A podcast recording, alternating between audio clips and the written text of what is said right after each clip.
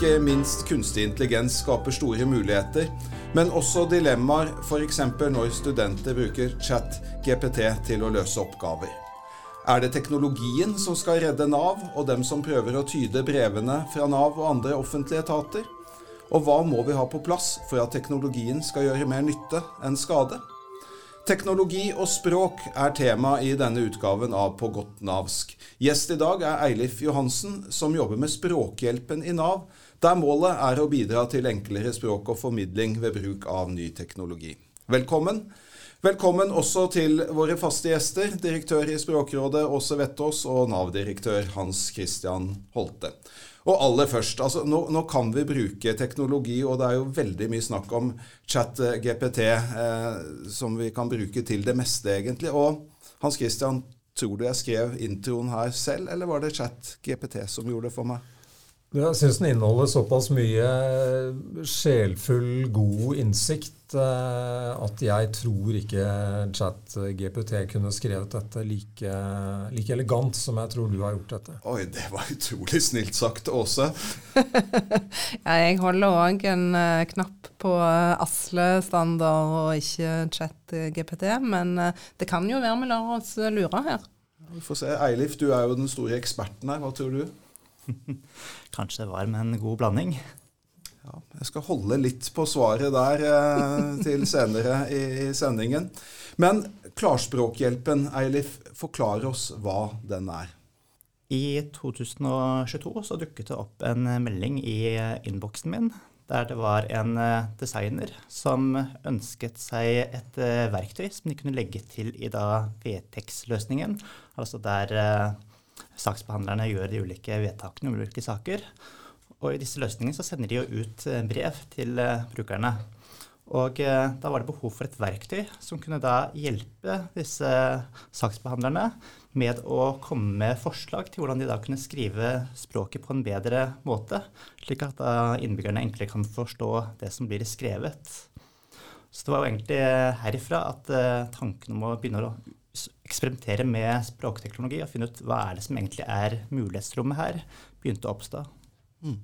Og da ble det altså til et uh, verktøy som, som ikke er kunstig intelligens, men, uh, men, som hjelper oss et stykke på vei.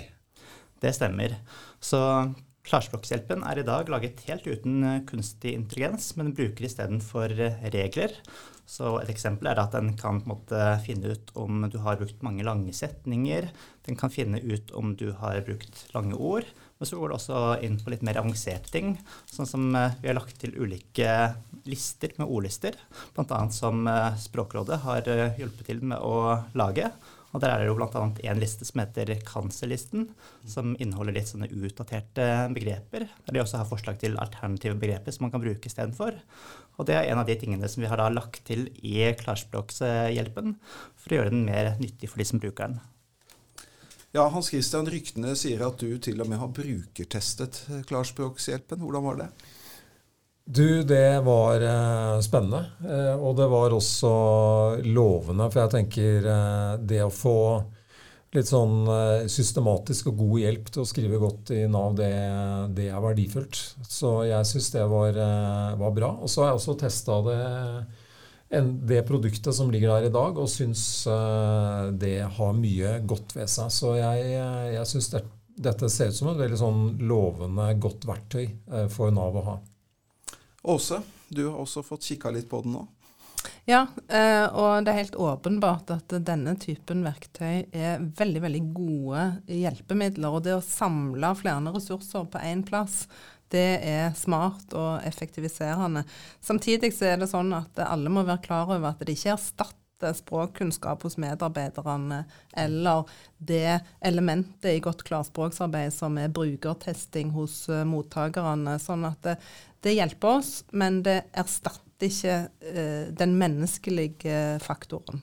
Og så er det én ting til som jeg har lyst til å nevne. For når vi tester det litt, så ser vi jo at dette virker bedre for de som saksbehandler på bokmål, enn for de som saksbehandler på nynorsk. Så uh, det å legge til noen uh, komponenter fra, fra Språkbanken som òg eh, gjør dette til et eh, godt verktøy for de som kanskje strever litt med det nynorske saksbehandlerspråket sitt. Det vil være veldig verdifullt, tror jeg. Da er utfordringen gitt direkte, Eilif. Tusen takk. Den kan jo brukes på en del forskjellige måter. Altså Vi kan uh, ta inn større tekster, men vi kan også få vite litt mer om enkeltord vi, vi bruker. Og la oss ta f.eks.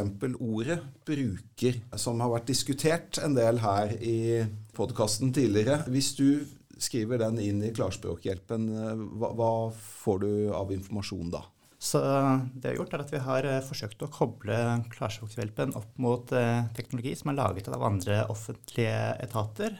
Og der er det jo Eh, Digdir, som har et uh, prosjekt som heter Felles begrepskatalog, som inkluderer da lister med begreper som brukes i offentlige sammenhenger, som er da levert av de ulike etatene, sånn som Nav, skatteetaten osv. Så, videre. så det man da kan gjøre i Klarspråkshjelpen, er at man kan da ta og markere ord som man ønsker å lære mer om, eller forstå mer om. Og når man markerer ordet, så kan man da trykke på at jeg ønsker å eh, få vite om dette er i da, den felles begrepskatalogen. Når man trykker inn der, så får man da eh, definisjonen, i tillegg til å vite hvordan ulike etater har brukt det begrepet. Så man kan få opp ulike definisjoner på begrepene fra ulike etater? Riktig. Mm.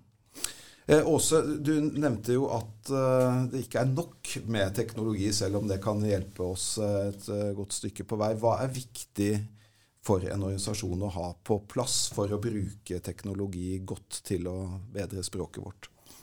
Det som er viktig, det er at en jo har fokus på språkarbeidet i organisasjonen, og bruker disse verktøyene da sammen med ja, diskusjoner om hva som er godt språk, diskusjoner om hva en skal hva en skal bruke, slags ord, hva slags uh, fraser en skal velge osv. Og så vil jeg jo uh, trekke fram uh, det som blir sagt her om den felles begrepskatalogen. Det at offentlige virksomheter bruker de samme begrepene om de samme tingene, det gjør det enklere å være innbygger, og det gjør det enklere å digitalisere på tvers av virksomheter. Og den delen av arbeidet, den må vi jo bidra til med våre, vår menneskelige kompetanse om uh, språk. For det er viktig for folk at de skjønner hva ordet samboer betyr når de, når de uh, møter Nav, når de møter skatt, når de møter Lånekassen osv. Aller helst så vil vi jo at det, det, skal bety det samme på tvers av etater, sånn at vi kan digitalisere på tvers òg. Hans Christian, du har jobbet i flere offentlige etater. Hva tenker du om den utfordringen? Jeg tenker at den er eh, helt på sin plass. Det er jo sånn at uh, ordet eller begrepet samboer betyr jo ikke det samme uh, på tvers av lovverk og på tvers av sektor og på tvers av offentlige virksomheter. Det betyr utrolig mye som ligner på hverandre, men mm. som ikke er akkurat det samme. Mm. Og det er jo litt sånn kanskje paradoksalt og ironisk at når vi jobber med felles eh, begreper på tvers av det offentlige, så brukes det av til et begrep som rett og slett er semantisk interoperabilitet. Jeg vet ikke om det hadde, eh, om det hadde hvordan det hadde slått ut i språkhjelpen hos eh, Eilif her, men jeg tror ikke det hadde kommet veldig godt ut.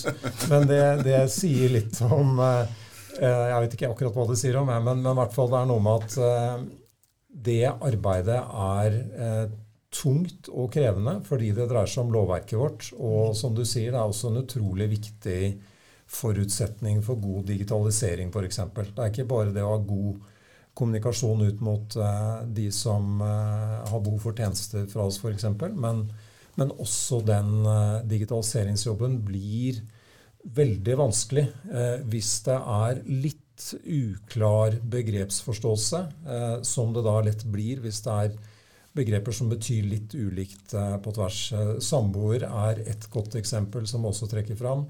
Inntekt er også et annet begrep som er eh, litt sånn eh, tolket med nyanser, eller det legges litt ulikt i det eh, fra sektor til sektor og virksomhet til virksomhet. Og Derfor er det så viktig å drive dette språkarbeidet på mange plan samtidig. Og En av de tingene som vi jobber med fra Språkrådets side, det er å få på plass klart og digitaliseringsvennlig lovverk, fordi at eh, de lovtekstene de spiller så stor rolle for all den saksbehandlingen som foregår i alle deler av staten. Så hvis vi kan få gode, klare termer i lovene våre, så vil det gjøre jobben for oss som da sitter rundt de enkeltetatene og skal bruke dette språket i møte med innbyggerne, veldig mye enklere.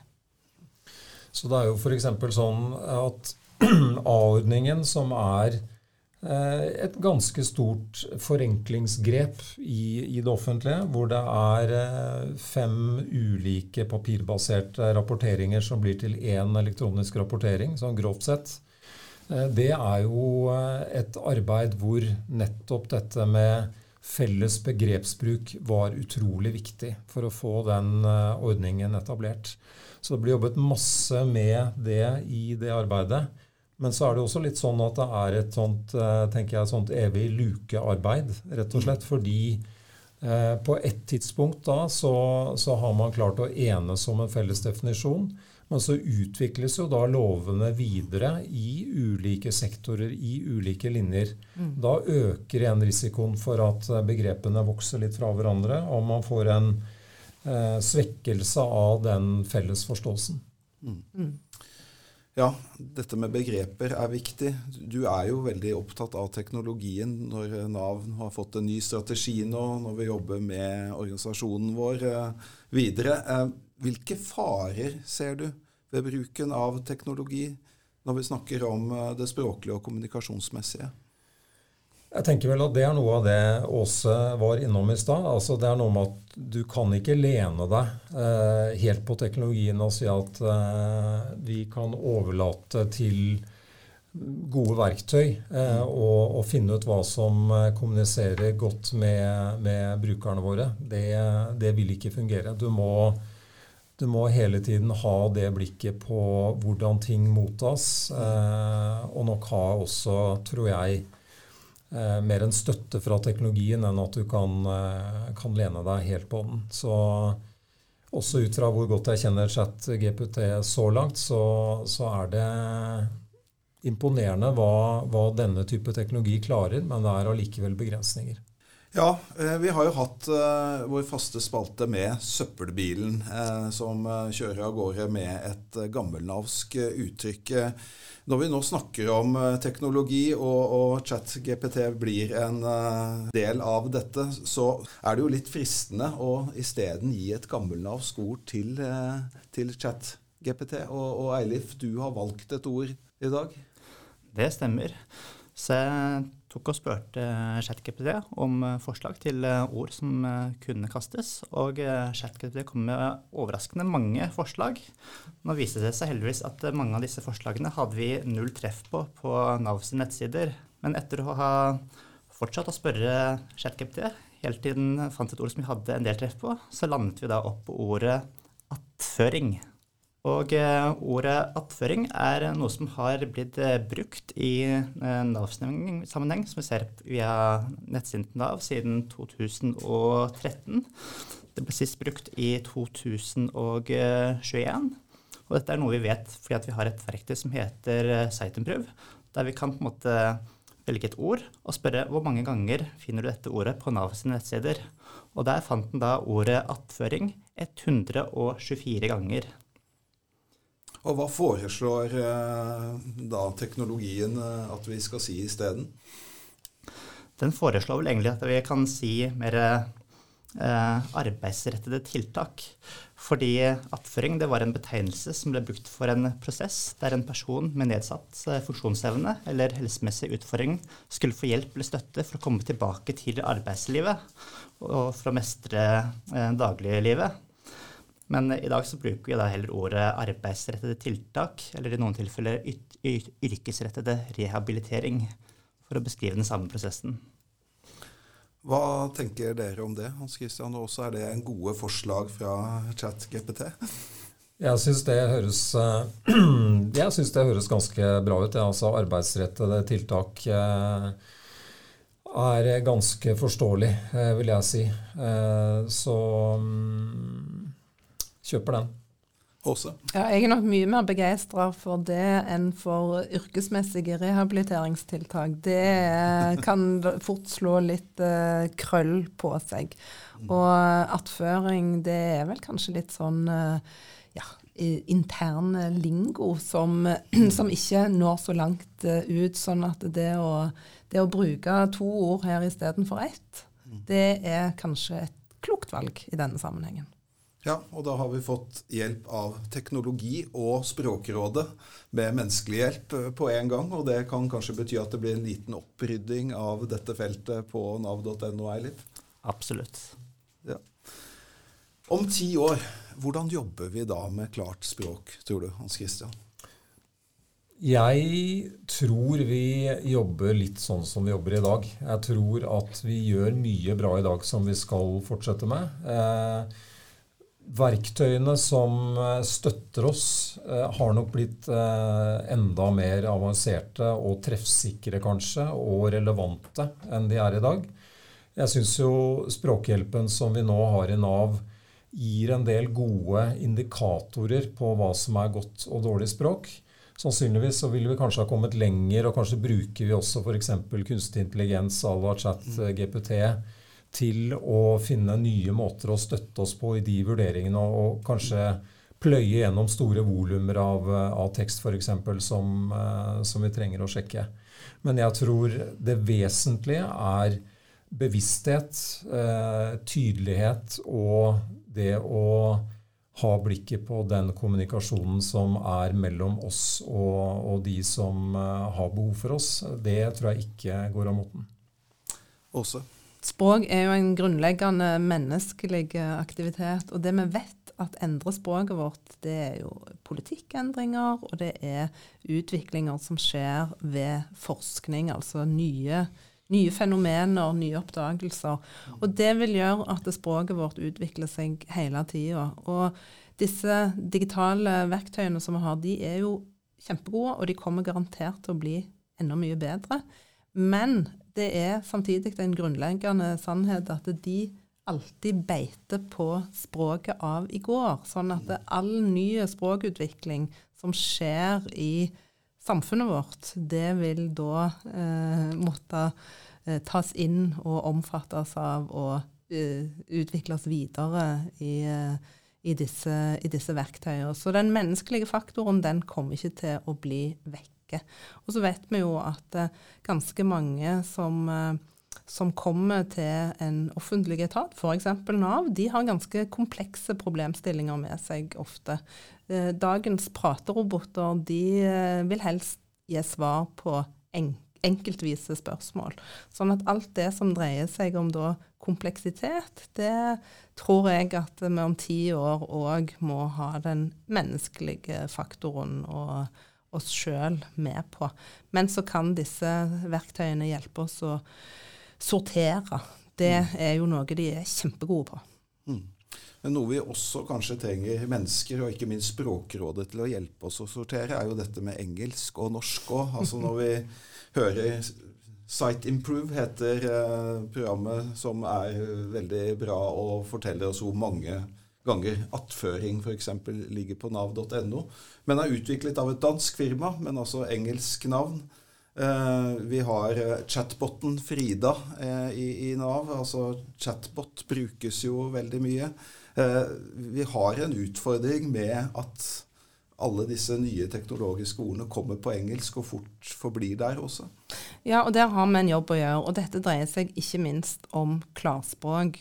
Så hvis en uh, kaller Frida for praterobot, så vil det nok være veldig mye mer åpenbart for Nav-brukere i alle aldre hva slags verktøy dette er snakk om. Så det er mitt, uh, mitt beste råd når det gjelder Frida. Hun er en praterobot, og kall henne gjerne det. Ja, Hva tenker du? Skal vi gjøre Frida om til en praterobot, Hans Christian? Det, det, kan, vi, det kan vi godt gjøre, altså. Eh, jeg, jeg, tror jo verken eh, Språkrådet eller Nav eh, blir erstattet av kunstig intelligens eh, i løpet av de neste ti åra heller. Jeg tror det er, det er sånn bruk, bruk, for noe i tillegg til. Men jeg syns jo det er interessant det som har skjedd bare det siste året, i hvert fall i den allmenne bevisstheten, hva disse løsningene som nå er allment tilgjengelige, faktisk kan gjøre. Eh, jeg prøvde å skrive et, eh, et hyldningsdikt eh, til kona via chat-GPT. Det, det, ble ganske svulstig. Altså, jeg tror kanskje jeg kunne klart det bedre selv. Og så har jeg en bror som, som skriver veldig fine dikt, og han hadde en lengre samtale med chat-GPT som endte opp med en ganske, ganske fine dikt, måtte han selv også innrømme. Så det er altså noe med den menneskelige komponenten inn i det der samspillet mellom ja mellom kunstig intelligens og, og ja, som, som, også har betydning. Da. Her er jeg helt enig med Hans Christian. For litt som når autopiloten ble innført på fly, så er jo dette en teknologi som tar eh, lang tid å bli trygg på. Og eh, som selv den dag i dag krever at det sitter en pilot og følger med på hva som skjer. Og litt sånn er det nok også med den teknologien som vi har bygget nå. I Nav så har vi et veldig stort fokus på å utvikle den kunnskapsbasert. Så vi har derfor koblet på både kommunikasjonsavdelingen og de som jobber med klarspråk, for å virkelig sørge for at vi forstår mulighetsrommet som teknologien kan hjelpe til, men også de tingene som teknologien ikke kan hjelpe oss til med. Skal vi helt til slutt da prøve noe? Altså, nå var jo For podkastprogramlederes fremtid så var det jo bra at dere tenkte at jeg hadde skrevet introen selv, og, og det hadde jeg. Jeg fikk et litt for skolestilaktig forslag fra ChatGPT eh, til intro først. Men kanskje vi kan prøve, Eilif, hvis du ber den lage en kort avslutning på podkasten, og se om det, det kan funke her. Eh, helt til slutt. Vi må jo se igjennom hvis det er helt ille den kommer opp med. Kan vi jo ikke si det på lufta. jeg kan bare si, ja. si, mens han tester at jeg testet jo din eh, invitasjon til denne podkasten på, på, denne språkhjelpen til Nav. Og det var sånn middels eh, enkelt. Du er ikke helt i mål, det må jeg bare si. Litt mange lange ord og så videre. Da skal, da skal jeg ta det med meg til neste gang. Er avslutningen ferdig da? Ja, da har eh, ChatGPT begynt å skrive. Ja. Og den sier Takk for at du har lyttet til denne episoden om språk og teknologi. Som vi har diskutert, er teknologi stadig i utvikling. Og dette har innvirkning på hvordan vi kan kommunisere og bruke språket. Og så er det slik at ChatGPT den fortsetter å skrive, men den bruker ganske lang tid på å skrive av og til. For noen ganger så er den litt uh, overbelastet. Men ja. uh, dette var egentlig det den kom med bare på noen få sekunder, da. Ja, det var ikke så galt, det. Nei, og språklig så er det jo helt uh, fantastisk hvordan dette har uh, utvikla seg. Dette er altså formfullendte setninger med Eh, et innhold som er til å både forstå og, og, og, bli klokere av. Så det er imponerende. Men vi trenger fortsatt menneskene. Absolutt. Da lar vi det bli siste ord. Takk til gjestene, og takk til teknologien.